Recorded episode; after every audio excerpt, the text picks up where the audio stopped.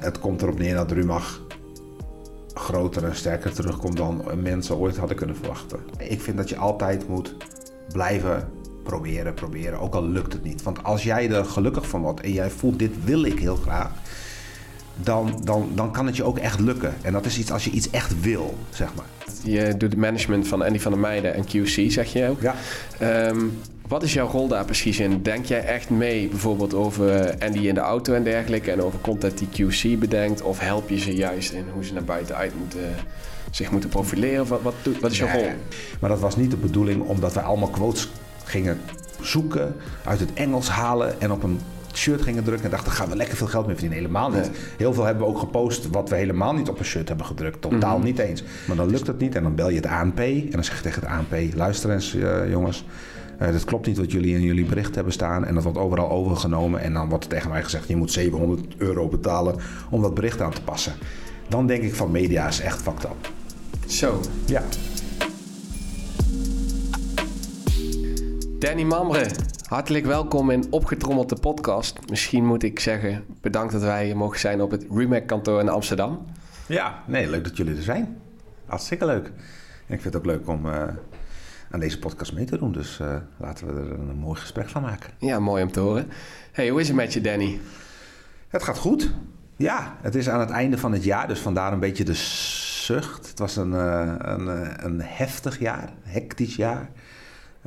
in alle soorten emoties. Maar ik kan wel oprecht zeggen dat het goed gaat. Ja, want je kwam inderdaad een beetje zwoegend binnen, maar je bent enorm druk zoals je al aangeeft. Dat, eh, dat vertelde je zojuist. Ehm, om eventjes jou voor te stellen. Jij bent natuurlijk sinds volgens mij medio 2015 mede-eigenaar van Remac, klopt Ja, dat? Ja, Daarvoor eh, heb jij voornamelijk in het nachtleven gezeten, klopt. als ik me niet vergis. Ja. Ook een aantal eh, succesvolle jaren met veel prijzen volgens mij. Kun Ja. je daar iets over vertellen, waar je vandaan komt en hoe je zo bij Remac terechtgekomen bent? Ja, zeker. Ehm, ik heb eh, sociale culturele... nee, ja, sociaal cultureel werk gestudeerd op, ge- op de mbo. Daarna hbo eh, culturele maatschappelijke vorming. Dat zijn twee opleidingen die aan elkaar eh, ja, nou, gekoppeld zijn... maar een logische opvolging is van elkaar. Eh, daar leerde je wel organiseren. maar vooral op maatschappelijk niveau. Ehm, ik heb toen stage gelopen in de PI in Zwolle, in de gevangenis. Vond ik fantastisch. Een hele andere wereld. waarin je, ja, gewoon, dat is gewoon bizar, maar gewoon een wereld in een wereld, moet je eigenlijk zeggen. Daar gaf ik eh, onder andere sport en spel aan gedetineerden, vooral JOVO's, jongvolwassenen, die eh, van alles hadden gedaan, zowel vrouwen, zowel mannen, want het is een mannen- en vrouwengevangenis. En eh, je wil dan wat uit die mensen halen. En een psycholoog kan tegenover je gaan zitten en gaan zeggen: Hoe voel je je nou? En noem het dan maar op. Maar daar krijgen ze niks uit. Maar met, als, je, als je een mutual iets hebt, bijvoorbeeld voetbal of volleybal. en je gaat een toernooi organiseren en je doet mee. en je gaat dan naast iemand zitten en zegt: Nou, hoe gaat het nu? Ja. dan krijg je er veel meer uit. En dat is wat ik deed. En dat vond ik echt heel interessant. Dus ik was heel veel van het organiseren. Ehm, ook zo'n kindermiddag. Hè, mensen die hun kinderen één keer in de maand mogen zien. Nou, dan organiseerde ik de kindermiddag. En dan kwamen die kinderen. En dan, ja, dat doet heel veel met alle soorten mensen. Ja, Ehm, dus het organiseren zat er vroeg in. gaaf. En Ja. toen ging ik daarna, eh, kreeg ik een beetje ruzie thuis. Toen zei ik, ik ga uit huis. Nou, en dan ben ik heel koppig en dan zeg ik, ik doe het zelf wel. En dan doe ik het zelf ook. En toen moest ik toch wel, toch wel een verdienmodel eh, verzinnen. Toen ging ik feestjes geven en zo ben ik in het horeca gerold. Hoe oud was je toen, toen je eh, uit huis ging? 17. 17, oké. Ja. En toen ging je meteen feestjes geven? Ja, misschien ietsje later, maar een jaartje later of zo. Maar toen ging ik feesten geven en dat was lucratief. En zo kon ik mijn studie betalen. En eh, toen zo ben ik in de horeca gerold. Wat niet de bedoeling was. Ik ben ook niet echt een horecaman. Ik eh, ben niet echt eh, van de alcohol of feesten. Ja, ik vind feestje wel leuk, zo bedoel ik het niet. Maar het is niet zo dat ik een echte horecatijger ben of zo. Maar toch twee jaar lang goed, of twee jaar lang, twaalf jaar gedaan in totaal. En twee clubs gedaan. En, en met, met, met succes. Ja, dat is gewoon zo. En ja, vanuit daar een beetje eh, zat ik op mijn zolderkamertjes. Nee, niet op mijn zolderkamer, op mijn kantoortje hoog. Eh, we hadden een club en daarboven zat een huis. En dan op de ho- bovenste verdieping zat mijn kantoor.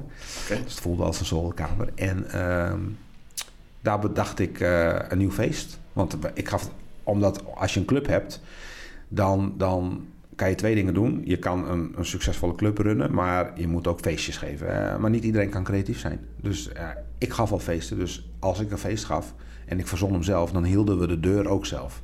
En als je een, een feest inkoopt, zoals een Nopus Doop vroeger of een Ex-Pornstar hadden we vroeger. Uh, dan moet je de deur afstaan, afstaan. Want zij zeggen, ja, wij hebben een, een succesvol concept gebouwd, dat mag je inhuren. Dus wij willen de deur bijvoorbeeld. Ja. Uh, dat hoefde niet. Dus toen dacht ik van ja, ik ga een nieuw feest verzinnen. En toen kwam ik die Rumach tegeltjes tegen en de quotes en overal. Toen dacht ik, nou daar kunnen we wel wat mee. En toen heb ik uh, gebeld, ges gesprek gehad. En toen hebben we vijf, zes feesten gegeven die uitverkocht waren. Ja, zo, zo ben ik eigenlijk in Rumach gerold. Want toen wilden ze me graag hebben. Maar ik dacht van ja, waarom? Waarom zou ik dat doen? Ik bedoel, ik heb een club en ik kwam toen bij Rumach. En Rumach was niet groter dan het hok waar wij nu in zitten. Mm. Nou ja, zo uh, uiteindelijk uh, was ik het nachtleven zat en ben ik erin gestapt. Oké, okay.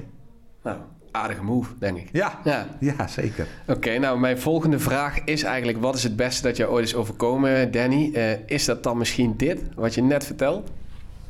Um, als in wat het beste mij is overkomen in de stap die ik heb gemaakt. Want het beste wat mij overkomen is, zijn mijn kinderen. Ja, oké. Oké, nou ja, dan zijn jouw kinderen het beste wat jou is ja, overkomen. Ja, ja. absoluut. Dat is het allerbeste. Dat is heel cliché, ik weet het.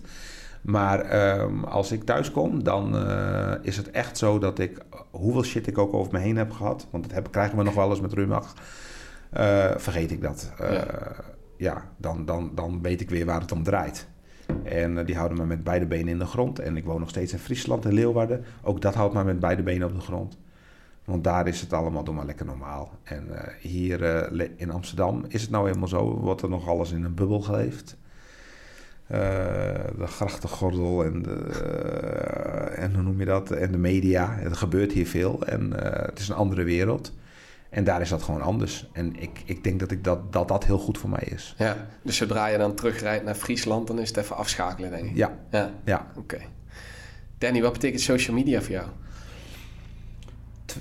Dat vind ik een, een, moeilijke vraag, omdat ik zit natuurlijk in de social media. Um, ik vind dat social media eigenlijk een, een, positieve en een negatieve kant heeft. En dat hebben heel veel dingen, dus, maar ik bedoel, zo kijk ik er ook naar. Positief is dat uh, bijvoorbeeld mensen kunnen zich minder eenzaam voelen en, en, en uh, andere mensen vinden die ze vroeger nooit hebben gevonden. Zo, dat was op Facebook in het begin vooral. Die zoeken, die zoeken en weer in contact komen. Uh, dat zijn fantastische mooie dingen. Uh, je kan snelle mensen bereiken, goede doelen, geld ophalen voor, voor dingen die je ertoe doen. Uh, dus, dus het heeft echt een, een goede kant, een mooie kant ook. Maar het heeft ook een hele donkere kant, vind ik. Hm. Um, ondanks dat ik in de social media zit, vind ik het ook heerlijk. En dat, zijn, dat is vrij weinig hoor. Maar als het, als het dan gebeurt, vind ik het heerlijk om offline te zijn. Ja. Dus social media met mate is eigenlijk jouw uh, ja, advies? Ja, want, want, want alles wat je op internet gooit, is, is, is er to stay, hè? Ja. En dat maakt niet uit wat. Dat kan in een opwelling zijn, een haatcomment op een persoon die je kent, op een BN'er, op een bedrijf. En mensen die, ik noem het altijd keyboard warriors, die, die, die typen wat vanuit een luie stoel of met een kratje bier op en die vinden dan ergens wat van. En die gaan de volgende dag gewoon weer naar hun werk.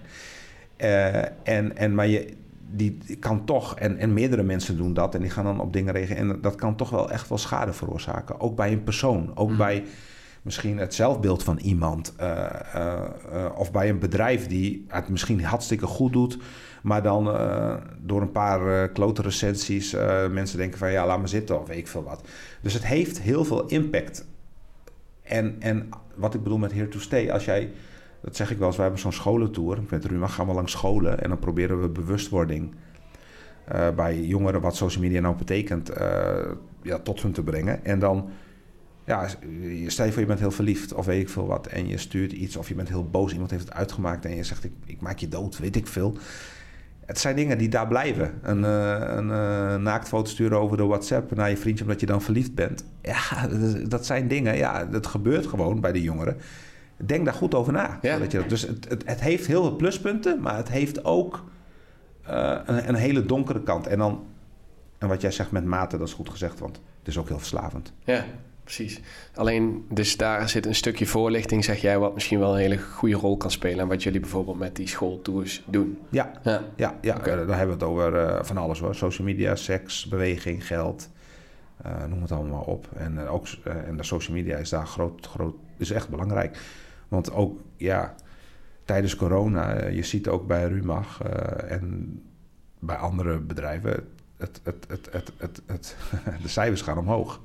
Ja, van nu zitten we in een lockdown, officieel. Hmm.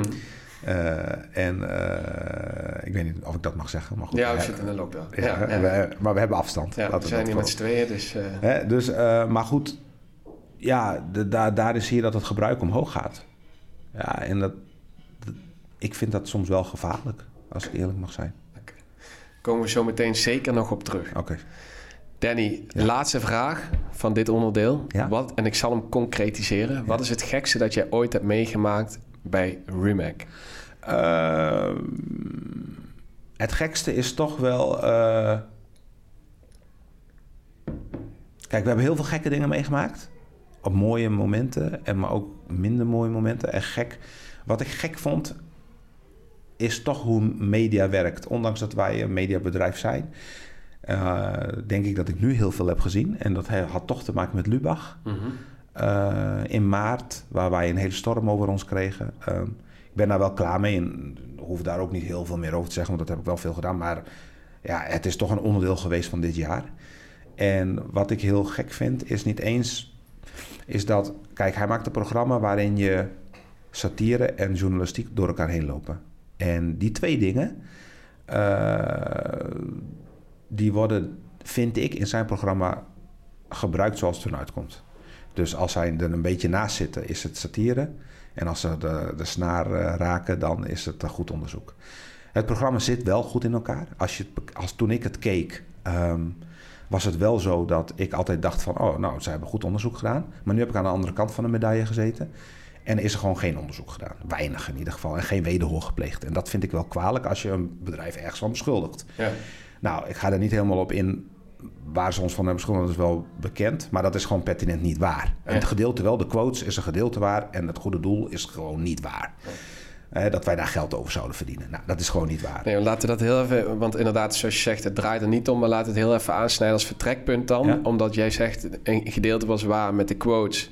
dat dat deels wel gekopieerd werd. Althans, vertaald werd. Sommige, lang niet alles, maar... Nee, dat, dat heb ik al heel vaak gezegd. Wij zijn een entertainmentpagina en we, we hebben daar nooit onder stoel of banken geschoven. En je maakt content om mensen te laten lachen. En in het begin vond iedereen het fantastisch. En als wij dan eens een leuke quote zagen, dan vertaalden we die of dan deden we daar wat mee. Maar dat was niet de bedoeling omdat wij allemaal quotes gingen zoeken, uit het Engels halen en op een shirt gingen drukken en dachten, gaan we lekker veel geld mee verdienen. Helemaal niet. Nee. Heel veel hebben we ook gepost wat we helemaal niet op een shirt hebben gedrukt. Totaal Mhm. niet eens. Het is wel eens voorgekomen, eh, maar niet met de intentie om dat zo te doen. Nee. Ehm, dus, dus ja, eh, deels waar. Dus dan hadden we ook, als we een quote gebruikten of vertaalden of weet ik veel, hadden we gewoon een bronvermelding moeten doen. Dan was je overal van af geweest. Ja. Eh, dus dat, was, dat is gewoon een leermoment. Dat is de les. Ja, is de les. En dan moet je ook gewoon naar jezelf kijken en zeggen: dit hadden we anders moeten doen. Maar geld verdienen over een goed doel is niet waar. Nee. Ja, dat doet wel pijn. En als je dat dan probeert recht te zetten, want kijk, Arjen, heeft nou, Arjen Lubach heeft nou gewoon veel bereik. En als je dat, dan probeer je dat recht te zetten, maar dat kan niet meer, want je loopt al. Het gaat al, het is overal al gepubliceerd. En dan probeer je dat alsnog, maar dan lukt het niet. En dan bel je het ANP en dan zeg je tegen het ANP, luister eens eh, jongens, eh dat klopt niet wat jullie in jullie bericht hebben staan. En dat wordt overal overgenomen. En dan wordt er tegen mij gezegd, je moet 700 euro betalen om dat bericht aan te passen. Dan denk ik van media is echt fucked up. Zo. Ja. En, en dat zijn de gekst. In, in die hele storm heb ik allemaal van dat soort gekke dingen meegemaakt. Dus ja, eh, dat was wel het gekste wat ik ooit heb meegemaakt. Ja, daar valt mijn mond een klein beetje van open. Ja. Dat eh, had ik niet verwacht. Ehm, maar wat heb je daar vervolgens op gereageerd dan? Want ik kan me voorstellen Dat ik dat dan- niet doe. Dat Ja. is mij, dat, toen dacht ik van... Dat was het moment voor mij, het breekpunt... dat ik eigenlijk scheid aan alles kreeg, zo, om het zo maar even te zeggen. Ja. Ik dacht echt van, ja, bekijk het, dit is mij de eer te na. Ik, het, het klopt niet, feitelijk, de dingen die erin staan kloppen niet. Ik bel jullie daarover op. Ja. En ik moet 700 euro over iets wat jullie de wereld inbrengen en schrijven. En wat feitelijk niet klopt, moet ik 700 euro voor betalen. Ja. Wat heeft dat met journalistiek te maken? Eh, niet. Nee. Dat is eigenlijk geld verdienen over. Ja, nou ja, goed, jij zegt het. Ik ga het niet zeggen. maar dat, ah, ah, dat, is wel een van de gekste dingen die ik heb meegemaakt. Ja, oké. Ik, ik, zeg het niet. Ik zeg het een beetje gechargeerd en een beetje satire. Maar um, laten we het erop houden dat er inderdaad... Uh, ja, dingen gezegd zijn die niet helemaal kloppen. Dat er dingen waren die ook weer wel kloppen, waar natuurlijk lessen van zijn geleerd. Uh, dat zijn dan hele harde lessen, kan ik me voorstellen. En lijkt me onwijs moeilijk. Maar uh, nogmaals, ik heb het ook uh, buiten de kamer tegen jou gezegd. Respect hoe jullie je er bovenop geknokt hebben. Um, graag gedaan. Uh, alleen als je even teruggaat dan naar uh, uh, het, het, Rode Kruis, daar ging het om. Het was eigenlijk gewoon misschien, zoals ik het, ik heb het natuurlijk ook onderzocht, een soort van communicatiefout. Want je kon gewoon een button aanvinken dat je 10 euro meer betaalde en die ging dan naar het Rode Kruis. Ja. En dat het dan anders is gecommuniceerd of niet helemaal goed is gecommuniceerd, dat is dan daar gelaten. En met die quotes, dat heb je zojuist al, al toegelicht. Ja, ja de communicatie. Kijk, we hadden gewoon beter moeten dat al het geld naar het Rode Kruis ging. En dat is ook zo. Het enige waar je wel mee te maken hebt, zijn kosten. Hm. Ik bedoel, um, um, er gaat iets viral. Daar heb je geen controle op. Uh, dat, wanneer dat gebeurt, want als dat kon, dan waren we een multimiljardair bedrijf als we alles viral konden maken. dus dat kan niet. Um, uh, maar als dat gebeurt, dan ga je er bovenop en dan moet je opschalen. En dan komen er mensen bij. En dan moet je nieuwe cameramensen erbij ja. hebben. En, en productie moet... Meer mensen moeten gaan drukken. Maar dat moet wel betaald worden. Niemand gaat zeggen hier van... Uh, oh ja, ik wil wel extra avonden en weekenden doorwerken... maar dat doe ik allemaal voor niets. Dat ja. ga, dus die kosten haal je eraf. Ja. En dan gaat de rest naar het Rode Kruis. Ja. Maar je weet niet wat die kosten zijn op dat moment. Nee. Dat weet je gewoon niet. Want dat, je weet ook niet hoe lang die hoe lang die hype blijft. Hè? Dat kan een maand zijn, kan twee maanden zijn, kan twee dagen zijn. Hangt af van de viraliteit. Precies. Ja. En, ja, en dan, en dan, en dan uh, verdien je inderdaad geld. Uh, en dan alles met alle kosten er gewoon af. En alle winst en alles wat we dan verder hebben verdiend... zou naar het Rode Kruis. En is ook naar het Rode Kruis gegaan. Ja, nou, mooi. Laatste vraag die ik erover wil stellen. En dan gaan we door naar uh, leukere dingen. Ja. Um, wat heeft het je uiteindelijk gekost? Uh, zowel misschien kan je iets zeggen over wat het je qua geld heeft gekost, maar misschien ook qua impact aan medewerkers. Ik weet niet of bijvoorbeeld Lubach een grotere impact heeft gehad dan corona überhaupt, of dat het andersom is. Kan je daar iets over zeggen? Nee, nee heel moeilijk, omdat het was een storm in een storm. Dus kijk, op het moment dat wij zo aangepakt werden. Uh, kregen andere bedrijven uh, ook heel erg last van, van, van corona. Hè? Want, want ja, er gebeurde van alles. We gingen in een lockdown. Um, um, de bedrijven gingen hun, hun, hun marketingbudgetten bevriezen. Uh, en wij zaten in een storm met Lubach op dat moment. Dus bedrijven konden ook heel makkelijk zeggen van ja, we, we blijven jullie steunen, maar uh, we gaan nu niks uitgeven, want dat doen we bij niemand. Dat was ook echt waar. Hm. Dus ik kan nooit die schade precies checken wat, wat waardoor is gekomen. Dat het heel veel geld heeft gekost, dat is één ding wat zeker is. Ja. Want er stonden veel opdrachten uh, en we zaten echt uh, in de weg. Uh, nou, omhoog. Alles wat we aanraakten veranderde een soort van in goud. We deden de theatertour. Er kwam een bioscoopfilm of een serie. Nou, die komt alsnog uiteindelijk. Maar um, dat zijn allemaal dingen die er allemaal stonden om te gebeuren. Ja. Uh, heel veel mooie merken om mee te werken. Nou ja, goed. Maar wij waren niet de enige.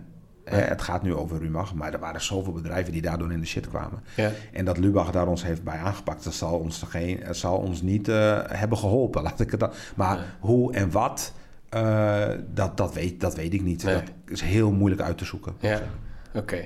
Maar uh, qua uh, bedrijfsgrootte, hoe zitten jullie nu? Uh, zijn jullie, want jullie, zoals ik zei net, jullie hebben je eigenlijk weer helemaal herpakt. Ja. zit je weer op dezelfde schaal als destijds? Of? Nou, als je kijkt naar onze omzet van dit jaar waar we al gaan eindigen, vind ik het alsnog knap, denk ik, na ja. alles wat er is gebeurd. maar het heeft wel heel veel impact gehad. Ja. Um, zijn we, mensen moesten wel weg. We zijn van 25 naar 15 gekrompen. dat is nooit leuk. Um, en uh, vanuit daar moet je weer bouwen. En nu zijn we weer in de fase dat we weer mensen kunnen aannemen. Um, maar uh, er is wel veel veranderd. Zijn, een aantal functies zijn er, uh, die bestaan niet meer.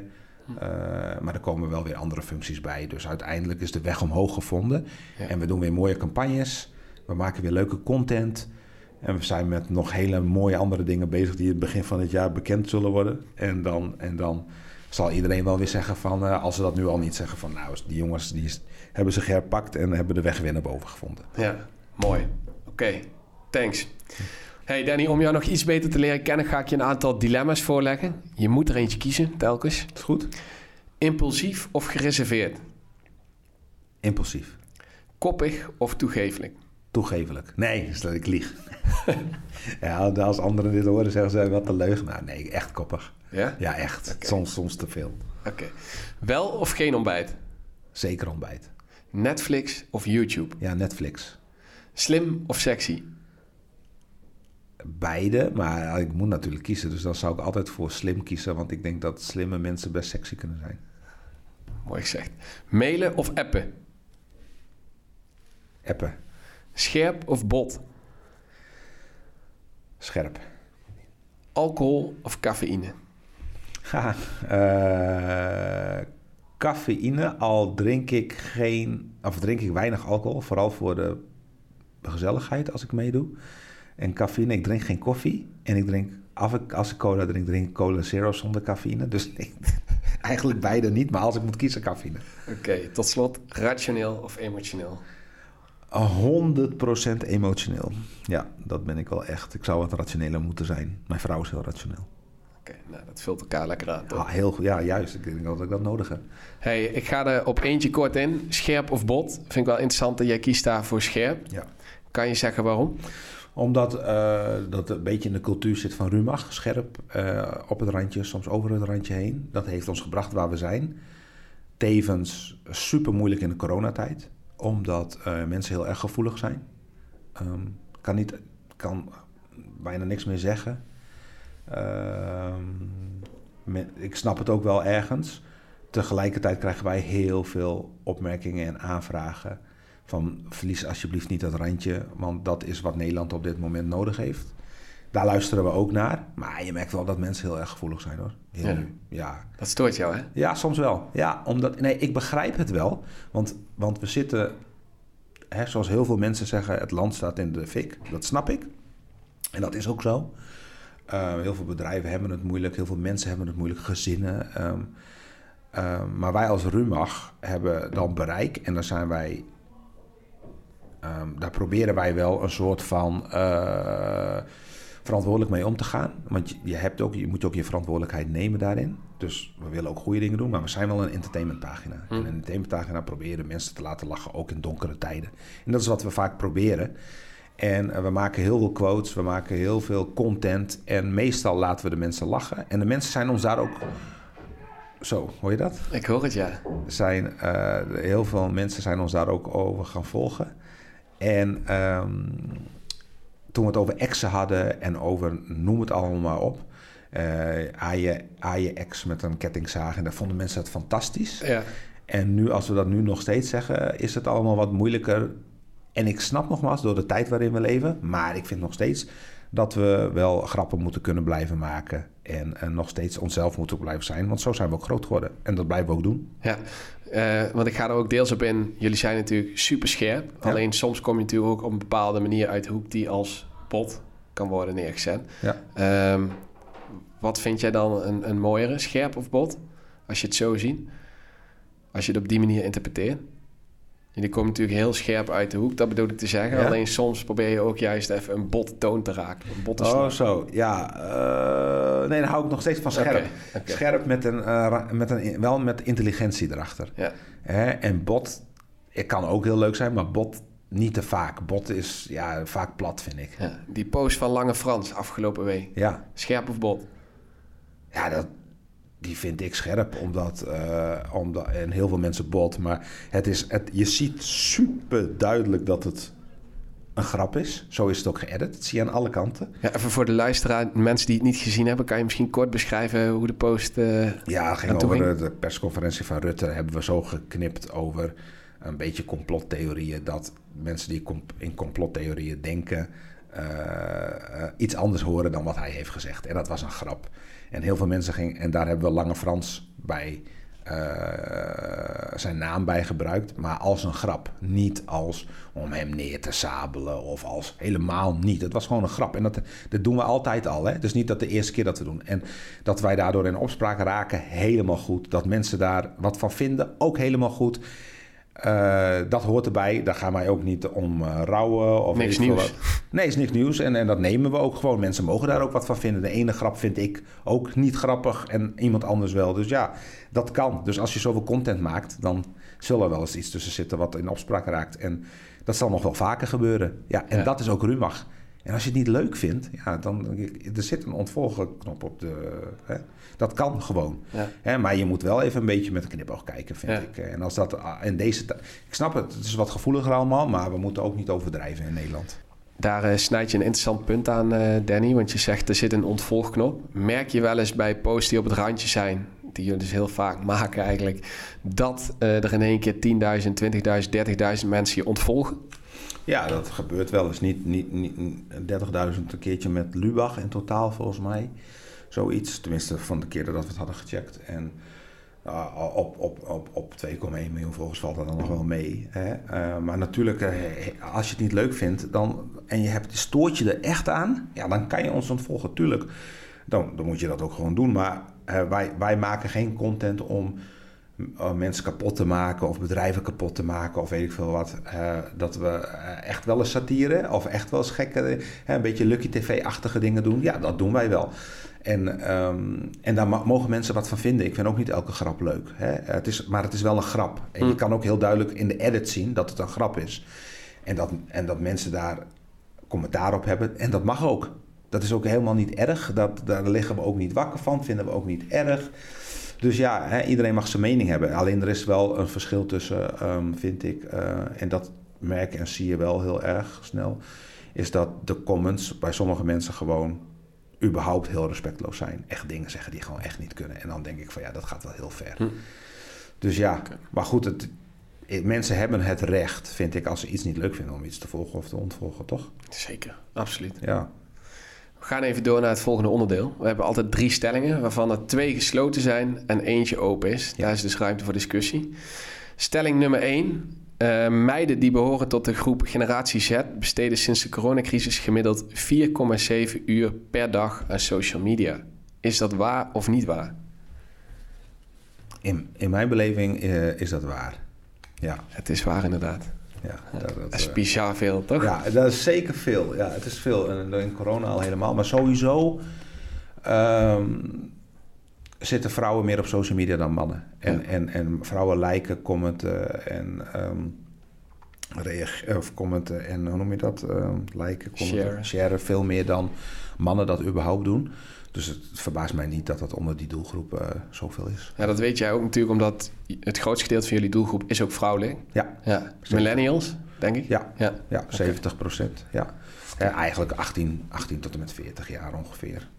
Dat is de grootste doelgroep. En dat ontloopt elkaar niet 18, 24 en daarboven ontloopt elkaar niet zoveel. Nee. Maar uh, ja, veel vrouwen. Ja, ja. ja leuk. Ge Toch? Ook gevoelig. Uh, gevoelig.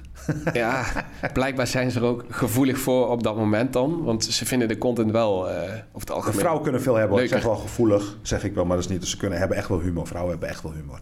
En, uh, en, en, en, en, als we het veel over exen hebben, uh, uh, dan gaat het, zijn de likes heel goed. Hè? En als we, het over, als we een vrouw te kakken zetten, dan krijgen we de, de boze comments. Dus, ja, het is gewoon een tone of voice. Die spreekt denk ik heel veel vrouwen aan. Ja, ja. eens. Klopt. Oké. Okay. Twitter neemt af in populariteit. Is dat waar of niet waar? Dat is niet waar. Um, nee, dat is niet waar. Twitter heeft de afgelopen tijd volgens mij aan, aan, aan volgers gewonnen. Um, ik, als ik het goed, want dit weet ik, van 2,5 miljoen naar 2,8 miljoen. Je bent uh, heel erg goed op de hoogte, Danny. Ja, ja. toch? In januari 2020 werd er een uh, toename van 310.000 gebruikers gemeten nog. En het is zo dat, in, dat eigenlijk dagelijks gebruiken 1.132.000 mensen de app Twitter, dagelijks. En er zijn inderdaad 2,8 miljoen uh, ja. gebruikers. Ja, toch? Totaal. Ja, ja hebben we mijn huiswerk goed. En, en, en daar los daarvan um, nog um, vind ik Twitter wel een heel zuur platform. Ja, ja daar zie je, dat is echt... Uh, Negatief. Ja. Oh man, ik vond me echt niet normaal. Ik kan, je gebruikt het wel? Nee. Oh. Nee, nee, nee. En Rumach heeft het even gedaan... Uh, het is wel een lange lid maar, uh, daarvan. Maar heel lang ook stil. En toen eventjes wel en toen weer niet. En, maar dat komt gewoon omdat het zo zuur is wat daar gebeurt. Oh man. Ik denk soms wel eens van dat zijn allemaal mensen die, uh, die een heel, heel vervelend leven hebben of zo. Heel kritisch hoor.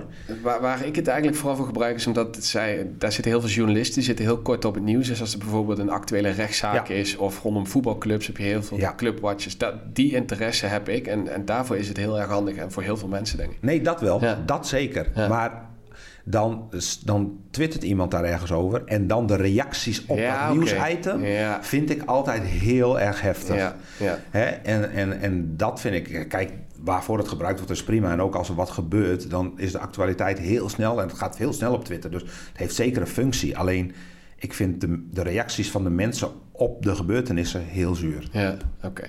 Oké, duidelijk. Gaan we door naar de laatste stelling. Dat is dus een open stelling. Persoonlijke apps van bijvoorbeeld artiesten en topsporters zijn momenteel de grootste bedreiging voor traditionele social media kanalen als Facebook, YouTube en Instagram. Ben je het daarmee eens of oneens? Oneens. Um, de reden waarom is, ze hebben een heel groot bereik.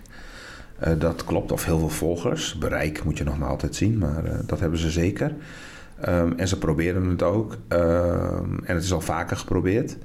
Uh, maar het is heel moeilijk om iedereen uh, ten eerste weg te krijgen daar. Want, mm. want op deze platformen waar van miljarden bedrijven daar uh, zitten natuurlijk algoritmes en daar zit, er zit zoveel achter, zoveel technici en zoveel commercials en er is zoveel te zien dat je wel echt diehard fan moet zijn om dat te gaan doen. Yeah. Um, als je dat kan doen, zou dat, als dat zou lukken, zou dat alleen voor de allergrootste zijn, als een uh, Justin Bieber of weet ik veel wat. Selena Gomez of weet ik in, in die trant uh, wereldwijd. Uh, maar ik denk dat dat voor een heel klein, volgens mij. Als Memphis Depay, ja, klein. Ik denk niet dat dat gaat werken.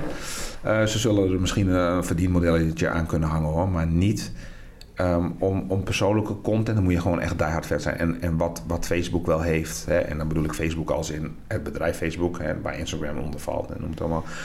Daarin zie je gewoon dat je je krijgt suggesties van mensen van weet ik veel die ik zou kunnen volgen. Of weet je kan gewoon zo kijken van oké, die is interessant. Bij die zie ik dat. Bij een open kanaal zie ik die. Oh, die reageert daarop. Oh, laat ik die ook eens volgen. Het is meer dan alleen dat. Ja. Dus, hè, het is meer dan alleen alles wat die fan doet. Dus ik, ik denk ook dat die fans helemaal niet zonder Instagram en Facebook kunnen. Nee. Helemaal niet, gewoon. Nee, ik ben het uh, ook met jou eens. Want ja, de grootste, het grootste kritiekpunt is eigenlijk dat men nu via social media slechts vaak 3% bereikt van zijn of haar volgerscharen. Ja het heeft natuurlijk alles te maken met algoritmes. Alleen ook daar is heel veel kritiek op. Maar zonder die algoritmes zou Facebook, Instagram en dergelijke zou helemaal niet leuk zijn. Want dan zie je al die berichten, moet je zo'n grote feed door. Dat ja. ben je dagen bezig Dan ben je dagen bezig.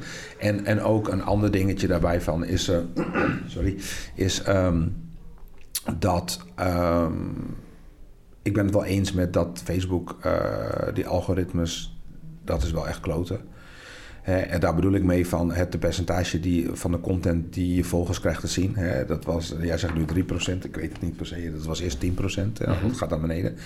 Maar ik denk dat als ze in de problemen komen, als ze die kraan weer opendraaien, ja, weet je, zij, zij, zij bepalen het gewoon. Ja, ja. dus, dus dat zie je ook gewoon als er weer een nieuwe future is, dan zie je, oh, allemaal, dan is het bereik allemaal wat hoger dan normaal. En zij, zij kunnen gewoon aan die knoppen draaien wanneer er dat uitkomen. Dus in dat opzicht uh, denk ik gewoon dat het een kansloze missie voor nu in ieder geval is. Dus ik geloof daar niet in. Nee. Oké, duidelijk. We gaan door naar het volgende onderdeel, Danny. Jouw drie meest toffe werkervaringen. Poeh. Als je kan kiezen. Dat is moeilijk hoor.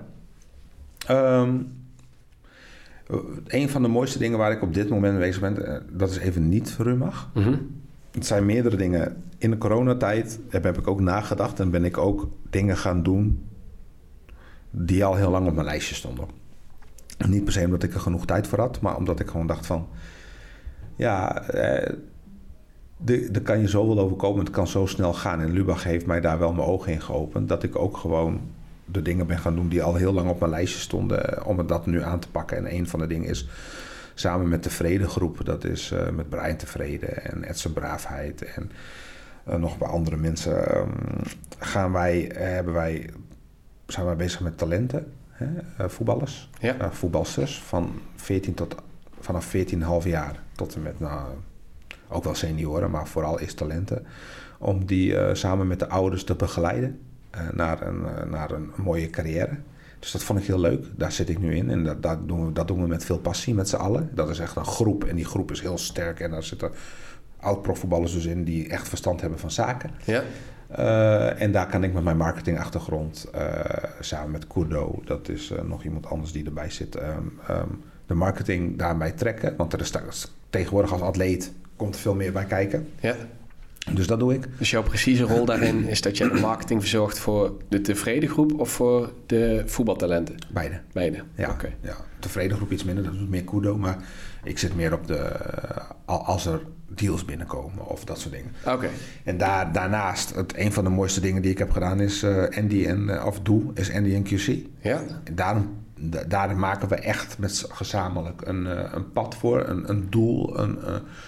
Uh, waar we heen willen groeien. Dat zijn twee grote talenten die echt naar Nederland op dit moment aan het veroveren zijn. Dat is gewoon echt niet normaal. Ja, want oh. daar ben ik eigenlijk ook wel benieuwd naar. Je hebt inderdaad het, je doet het management van Andy van der Meijden en QC, zeg je ook. Ja.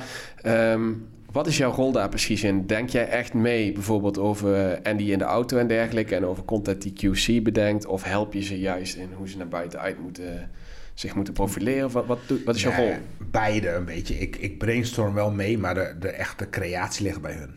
Hm. De, daar zijn zij gewoon echt goed in. Dat is wat zij kunnen en wat zij doen. En zij begrijpen hun volgers beter dan ik dat zou kunnen. Ik, ik, ik denk wel mee, dat wel. En ik geef ze wel vanuit, want ik heb natuurlijk wel een beetje verstand van social media en, en marketing.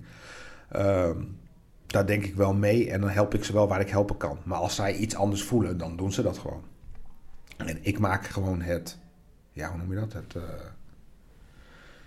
het plan met hun. Van waar gaan we heen? Wat zijn de doelen? Hoe kunnen we dat marketingtechnisch het beste inzetten? Ja. En, dat, dat, en als dat werkt en dat lukt, dan is dat echt heel cool. Ja, en is dat dan zo, moeten we het dan zo zien dat jij bijvoorbeeld op het begin van het jaar een keer gaat zitten, uh, kwartaal twee een keer gaat zitten en dat jullie dan die plannen schrijven en dan... Uh... Nou, um, ja, ja, deels, maar niet helemaal. We hebben eigenlijk dagelijks contact. Ik ben niet zo'n manager die... Um, elke dag of, of, of, of, heel zakelijk erin staat. Het moet mij iets brengen, ook, ook, ook een soort van privé, want je hebt heel veel privécontact. Dus als, het me daarin, als daar die klik niet in is, uh, hoe groot iemand ook is, hoeveel geld je er ook mee zou kunnen verdienen, dan doe ik het niet. Er moet een klik zijn, want je gaat echt diep. Het is niet alleen zakelijk namelijk. Als de shit hits the fan, dan, dan moet je er ook zijn. Of dat nou persoonlijk is, of dat nou... Uh, privé is, op wat voor manier dan ook. Het gaat verder dan zakelijk. Dus die klik moet er zijn. En je wordt ook wel eens boos op elkaar. Want uh, soms gaat iets niet zoals je wilt. Of zij houden zich niet aan een afspraak. Of ik hou me niet aan. Dat kan gebeuren. En dan krijg je ruzie en dan scheld je elkaar verrot. Maar dan is het na een paar uur of de volgende dag is het ook weer goed. Mm -hmm. Hè? Dus het, is, het gaat veel dieper dan dat. Uh, dus dat moet er wel zijn. En daarom doe ik het ook met deze twee jongens. Want die brengen wat in mijn leven. Die brengen letterlijk wat in mijn leven. Uh, stress is één. en, uh, en twee is ook heel veel positiviteit. Ja. En inspiratie kan ik me voorstellen. Heel veel. Ja. Dus om met hun te werken is echt, ja, daar ben ik heel blij mee. En, en, en, en we hebben ook de afspraak gewoon, als ik de dingen die we doen, samen doen, die maken we af. En willen zij weg of ik wil stoppen, dan stoppen we. Ja. Oké, okay, maar om het concreet te maken, is heel moeilijk om het concreet te maken, merk ik. Maar het is gewoon dat jij gewoon een hele nauwe band met, band met hen onderhoudt. Ja. En dat je daar gewoon continu mee bezig bent. Dat ja. is het management. Ja, dat Ja. is het management. Ja. Dus dat, dat vooral. Ja. En dan het derde, ja, zijn drie dingen. Dat is Ruma. Ja, het klinkt heel, maar een van de vetste... Wat was de vraag ook alweer? Iets Eh, je, je meest toffe werkervaring. Ja, is toch... eh, ja, je gaat het niet geloven dat ik dit zeg. En ik zelf ook niet, want ik bedenk het ter plekke. Maar is eh Ru- Rumach uit de shit halen met het team. Dat is toch... Oké, laat ik het anders formuleren. Dat, dat is ons aan het lukken met het hele team. Hè? Dus ik mag hier dan wel praten, maar we doen het met het hele team.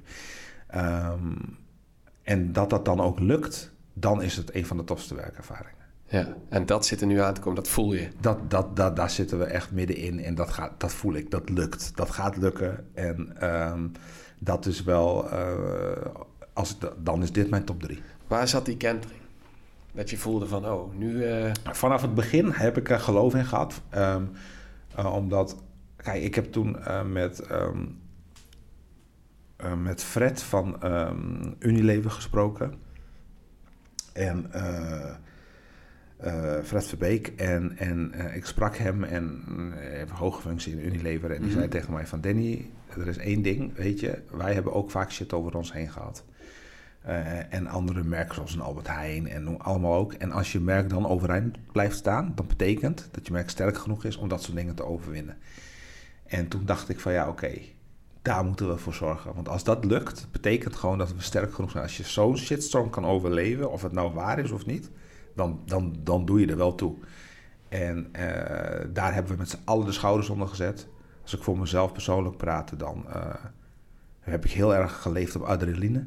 En dan moet je elke keer die adrenaline stoot vinden. En bij een tegenslag kwam die, kwam die wel harder aan dan normaal. Mhm. En dan dacht je echt van fuck. En dus ja, uh, maar elke keer weer dat vinden om toch weer door te gaan. En elk positief puntje aan met twee handen aangrijpen. En dan wordt dat steeds groter. En dan wordt de eerste samenwerking een feit weer. En de eerste campagne en een succes. En dan wordt er gezegd door New York Pizza bijvoorbeeld van de, de samenwerking was zo vet en zo goed. En uh, dat hebben we niet vaak op dit, dit niveau meegemaakt, dat het zo goed was. Nou, dan, dan, dan blijf je heel cool in de meeting, maar dan ben je natuurlijk mega blij. Ja. En dan, dan zie je gewoon met het team, het team groeit, de cultuur binnen Rumach verandert. En dan zie je dat allemaal gebeuren en dan denk je, ja man, dit is het. Ja. We, we, we komen terug. En dan, en dan zijn we nu uh, natuurlijk nog niet op het niveau waar we waren qua misschien omzet en al dat soort dingen. Maar we, zijn wel, we hebben wel veel meer stappen gemaakt in de interne cultuur dan ooit. Ja. Dus daar zit het het best. Ja, want het is nogal wat. Want je komt natuurlijk ergens vandaan en je hebt volgens mij inderdaad ook een cultuuromslag gehad, zoals jij het allemaal schetst. Je hebt volgens mij vier ogen principe toegepast, Ja. dat soort zaken allemaal. Het, Ja. Er zijn mensen weggegaan, functies weggegaan. Ja, dat, dat is nogal wat. Dus het is eh, eigenlijk gewoon heel, eh, heel knap dat het dan zo, eh, die omslag is gekomen, denk ik. Ja, het, het, het is ook knap. En, en, en, en ik, vind, ik heb altijd een beetje moeite met dat soort dingen uitspreken. Of met complimenten krijgen en dat dan te omarmen. Maar ik leer dat wel, want eh, ehm, niet alleen voor mij, maar ook voor het, het, het personeel en het bedrijf en de mensen die ons hebben gesteund. Maar ook, ook de, eh, de volgers en de fans, hè? die Ja. hebben ons ook een hart onder de riem gestoken. Ja. Er zijn heel veel die ons hebben een soort van hebben, ja, laten vallen. Die zijn er ook. Maar er zijn ook zoveel die dat niet hebben gedaan. Ja. En voor die mensen moet je toch echt wel blijven vechten. Ja, ik vind het mooie waar jij het nu over hebt. Je hebt het ook, je spreekt het niet uit, maar ik voel de passie. En in mijn vorige podcast heb ik het ook gehad over, eh, met uh, Wilke Verschuik over passie. Ja. En eh, passie bij jongeren. En eh, hij gaf ook aan van ja, ik geef vaak eh, lezingen op hogescholen, universiteiten en zo. En ik, ik zeg wel eens gekscherend, we moeten het vak passie introduceren voor jongeren. Ja. En wat vind jij daarvan? Want jij bent volgens mij ook iemand, je bent iemand die werkt met heel veel jonge gasten, met heel veel energie, met passie zoals ik zeg. Ja. Hoe, hoe is jouw kijk daarop, op jongeren en passie? Want je ziet toch vaak dat veel jongeren moeite hebben om iets te vinden wat ze echt leuk vinden. Nou, als ik gewoon kijk naar mijn eigen kinderen, hè, ehm, ehm, is het zo dat ze heel erg worden geleid door, onder, door social media. En daar bedoel ik mee eh, de iPad dan in dat geval. Niet per se social media alleen, maar ook de games. De, hè, ze worden niet meer getriggerd om buiten te spelen, vind ik. Eh, dus wij hebben schermtijd geïntroduceerd. En dan moeten ze, als iets tijd op is, moeten ze naar buiten. Eh, en als ze eenmaal buiten zijn, zie ik de passie pas van het buitenspelen. Wat ik vroeger had. Vroeger wilde ik alleen maar buiten spelen. Voetballen. Weet ik veel wat. Hutten bouwen. I don't know. Oorlogje spelen. Zo ja. Hè, dus, dus, dus dat deden wij. En, maar dat moet ik nu wel pushen. Om, maar als ze er eenmaal zijn, dan, dan buiten zijn, dan doen ze het. Ja, En daarin, dat merk ik ook bij als ik spreek en ehm, waar vroeger heel veel mensen zeiden van ik wil voetballer worden, zeggen ze ik wil nu YouTuber worden of ik wil nu dit worden of ik wil nu dat worden. En dat, dat maakt niet uit, want als je daar passie voor hebt, moet je daarvoor gaan, 100%. Maar wat ik wel heel veel tegenaan loop, is dat mensen, jongeren heel veel doorstuderen of maar blijven studeren of gaan werken ergens, omdat ze niet weten nog wat ze willen worden en wat ze willen doen. Kijk, als, je, als, er, als er een vak als passie zou bestaan, dan zou ik dat wel echt een, een mooi initiatief vinden. Omdat eh, ik echt wel denk dat, dat, dat mensen die moeite hebben met het vinden van passie, iets wat ook trouwens heel erg moeilijk is om te vinden, eh, daarbij geholpen zouden worden, ja, dat zou ik wel aanmoedigen. ja. En hoe denk je dat mensen hun vak, of hun, hoe denk je dat mensen hun passie kunnen vinden? Vooral jongeren. Ehm, dat, dat, is- een hele moeilijke, vind ik. Omdat, ja, passie, ja, hoe, vind je dat? Kijk, ik, ik geloof wel in dat ehm, je heel veel dingen moet proberen. En als jij, ik ga altijd heel erg op mijn onderbuikgevoel. En als jij iets doet, en, en dat, dat heb ik wel eens vaker gezegd. Hè, ik vind dat je altijd moet blijven proberen, proberen. Ook al lukt het niet. Want als jij er gelukkig van wordt en jij voelt, dit wil ik heel graag dan, dan, dan kan het je ook echt lukken. En dat is iets als je iets echt wil, zeg maar. Hè? Maar als jij er niet gelukkig van wordt en jij hebt er niet zoveel zin meer in, dan weet je dat is niet jouw passie, je passie, je echte passie. Ik heb, ik heb twee neefjes en, en die woonden op Curaçao. Intussen in Nederland studeren ook, zijn ook alweer wat ouder, maar die hadden op alle soorten sporten gezeten, noem het allemaal op. En, en voetbal, dit en dat. En, en alles was het net niet. Totdat zij op waterpolo gingen.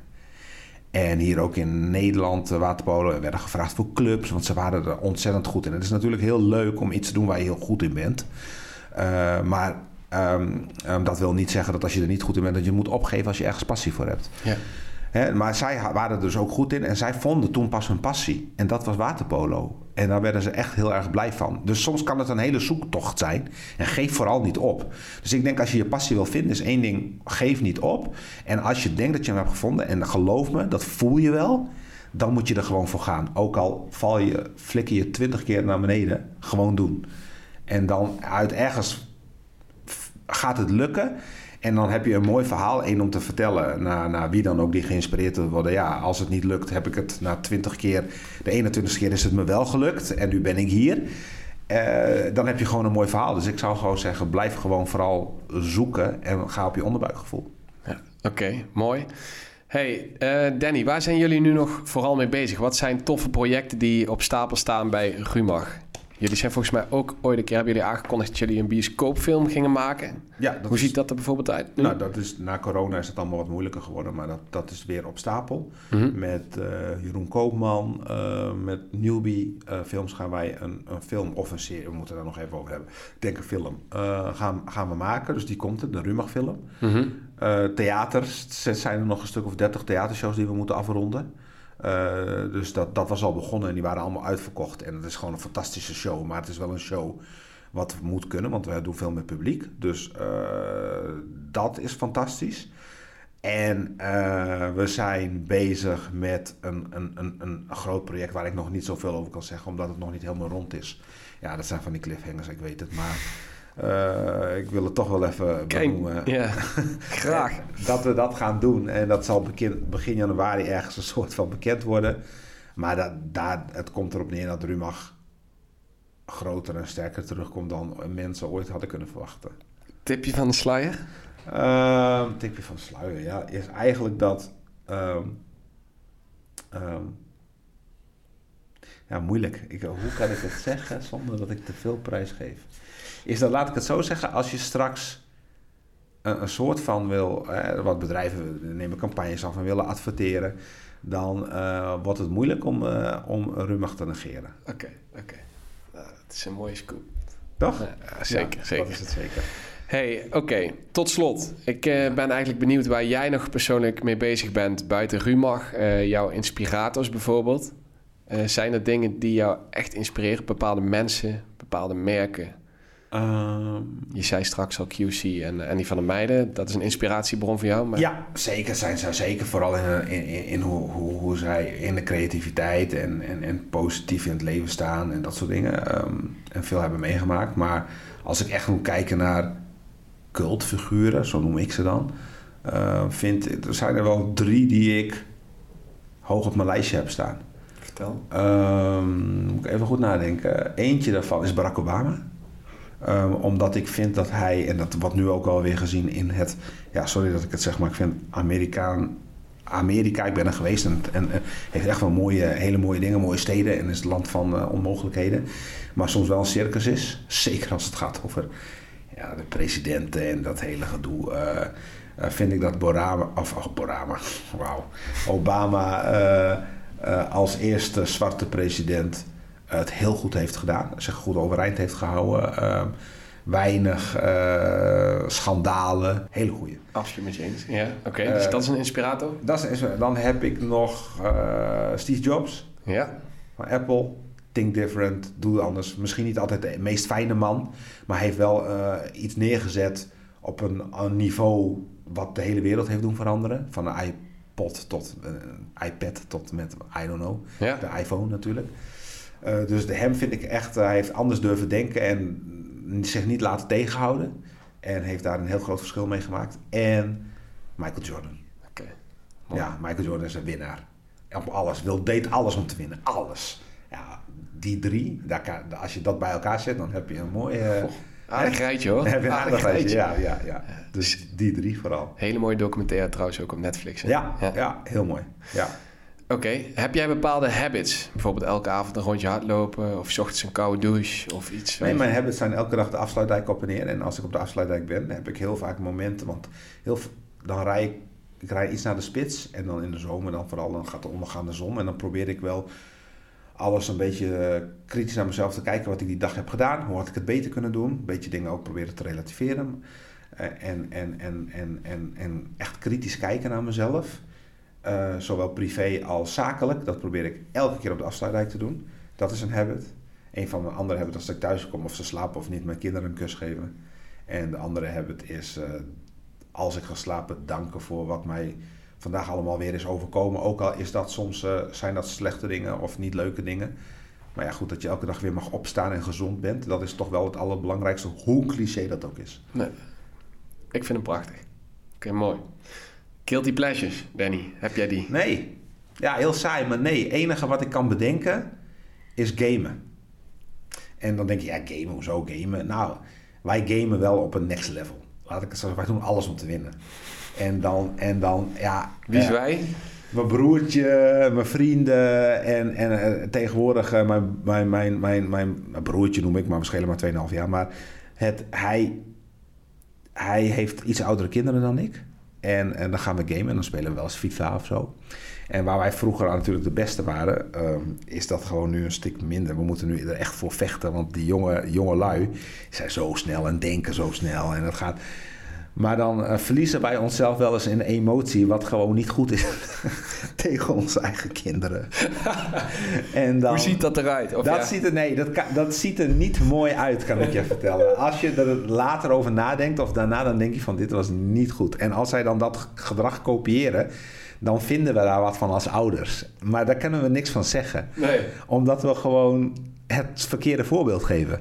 En dan is dat, dan, dan gaat het, als zij dan scoren en dan in de laatste minuut of zo. En kijk, soms speel je wel eens een wedstrijd en dan heb je gewoon geen maak je gewoon geen aanspraak over de, op de overwinning. Want dan ben je gewoon beter. Ja. Maar dan winnen ze toch. Op, op weet ik veel wat voor manier dan ook. En dan, dan, dan is het echt zo van... Je hebt het niet verdiend en ben je helemaal... Jij hebt... Je weet zelf... En dan, dan krijg je het tegenwoord. Ja, maar je, je bent gewoon slecht. Je bent gewoon beter. En dan, en dan, ga je, dan, dan laten, we ons, laten we ons meeslepen in onze emoties. En dat kan gewoon niet. Maar het gebeurt wel. Dus dat is wel een soort van guilty Ja, pleasure. ik, ik ken je frustratie wel hoor, want als je met FIFA verliest en dus niet terecht en je haalt de statistieken erbij, het is maximaal. Het is echt. Ja. Dus, en maar dan ook nog van een jonger iemand. En, en, en nee, nee, goed. Nou, ja, guilt- dat, is, dat is wel de guilty pleasure, moet ik zeggen. Oké. Jouw drijfveren, Danny. Als je dat drie mag noemen, wat zijn jouw echte drijfveren voor jou? Mijn drijfveren. Ah. Ja, wel passie. Zeker passie. Ehm, ik ga heel goed op adrenaline en passie. En ehm, goed doen. Ik vind goed doen wel belangrijk. Dus ik probeer wel altijd, of het nou mensen of instanties, ik probeer altijd wel te kijken waar ik kan helpen. Dat, dat, ik ben wel een gever, vind ik zelf. Ja. Ehm, dus dat, dat, dat probeer ik wel. Dus als ik de, dat passie kan vinden en, en, en, en de stress en de adrenaline samen met het geven allemaal bij elkaar kan doen. En dan met als eindige dat het een succes is, want succes is verslavend. Ja, die dingen, die ga, daar ga ik heel erg goed op. Dat zijn wel mijn drijfveren. Oké. Ja. Nou, hartstikke mooi. Hey Danny, ik wil je tot slot even vragen of jij iemand wilt tippen aan ons waarvan je zegt van, nou, na dit gesprek, daar moet je echt eens een keertje mee om tafel. Misschien eh, Andy van der Meijden of zo. Die moet je sowieso mee praten. Eh, QC moet je sowieso mee praten. Niet omdat ze, dat wij samen werken, maar dat zijn gewoon... Ja, mensen die hebben wat te vertellen. En echter dan dat ga je ze niet vinden. Dus dat vind ik heel mooi. Zou je over media willen praten... dan is het heel interessant om met Marco van Kampen te praten. Dat moet je maar eens opzoeken. Die werkt bij de persgroep. Mhm. Uh, en wie ook heel interessant is, ik kan zijn achternaam nooit uitspreken, maar ik weet zijn voornaam wel heel goed. Ik had nog zijn achternaam ge, uh, laatst nog gevraagd. En ja, ik, vergeet, ik vergeet hem gewoon. Ik wil hem gewoon goed uitspreken. Maar dat is Faresh. En Faresh is uh, eigenaar van Paratv. Oh ja, ja, dat ken ik je. Ja, ja van naam. Ja, ja. Oké. Okay. Hele interessante jongen. Oké, okay. klinkt ontzettend interessant ja, wat je opnoemt. moet je echt doen. We gaan eens even kijken met jou misschien wat we kunnen doen. Ja. Hey Danny, mag ik jou vriendelijk bedanken? Ik vond het een heel erg leuk en interessant gesprek. Hoe vond jij het? Ik vond het heel leuk. Ja, het was uh, makkelijk praten. Wat ik uh, eigenlijk van tevoren al zei voordat we binnenkwamen was... Uh, vaak ben ik wat terughoudend omdat je niet weet wie je tegenover je hebt... en niet weet wat hun agenda is. Mm -hmm. Maar dat had ik bij jou totaal niet. Dus ik heb me, ik heb me gewoon lekker uitgesproken. En uh, ik hoop dat, uh, dat de mensen het leuk vinden om te luisteren. Ik heb het met alle plezier en liefde gedaan. Dankjewel en keep up the good work. En jij ook. Later. Hoi.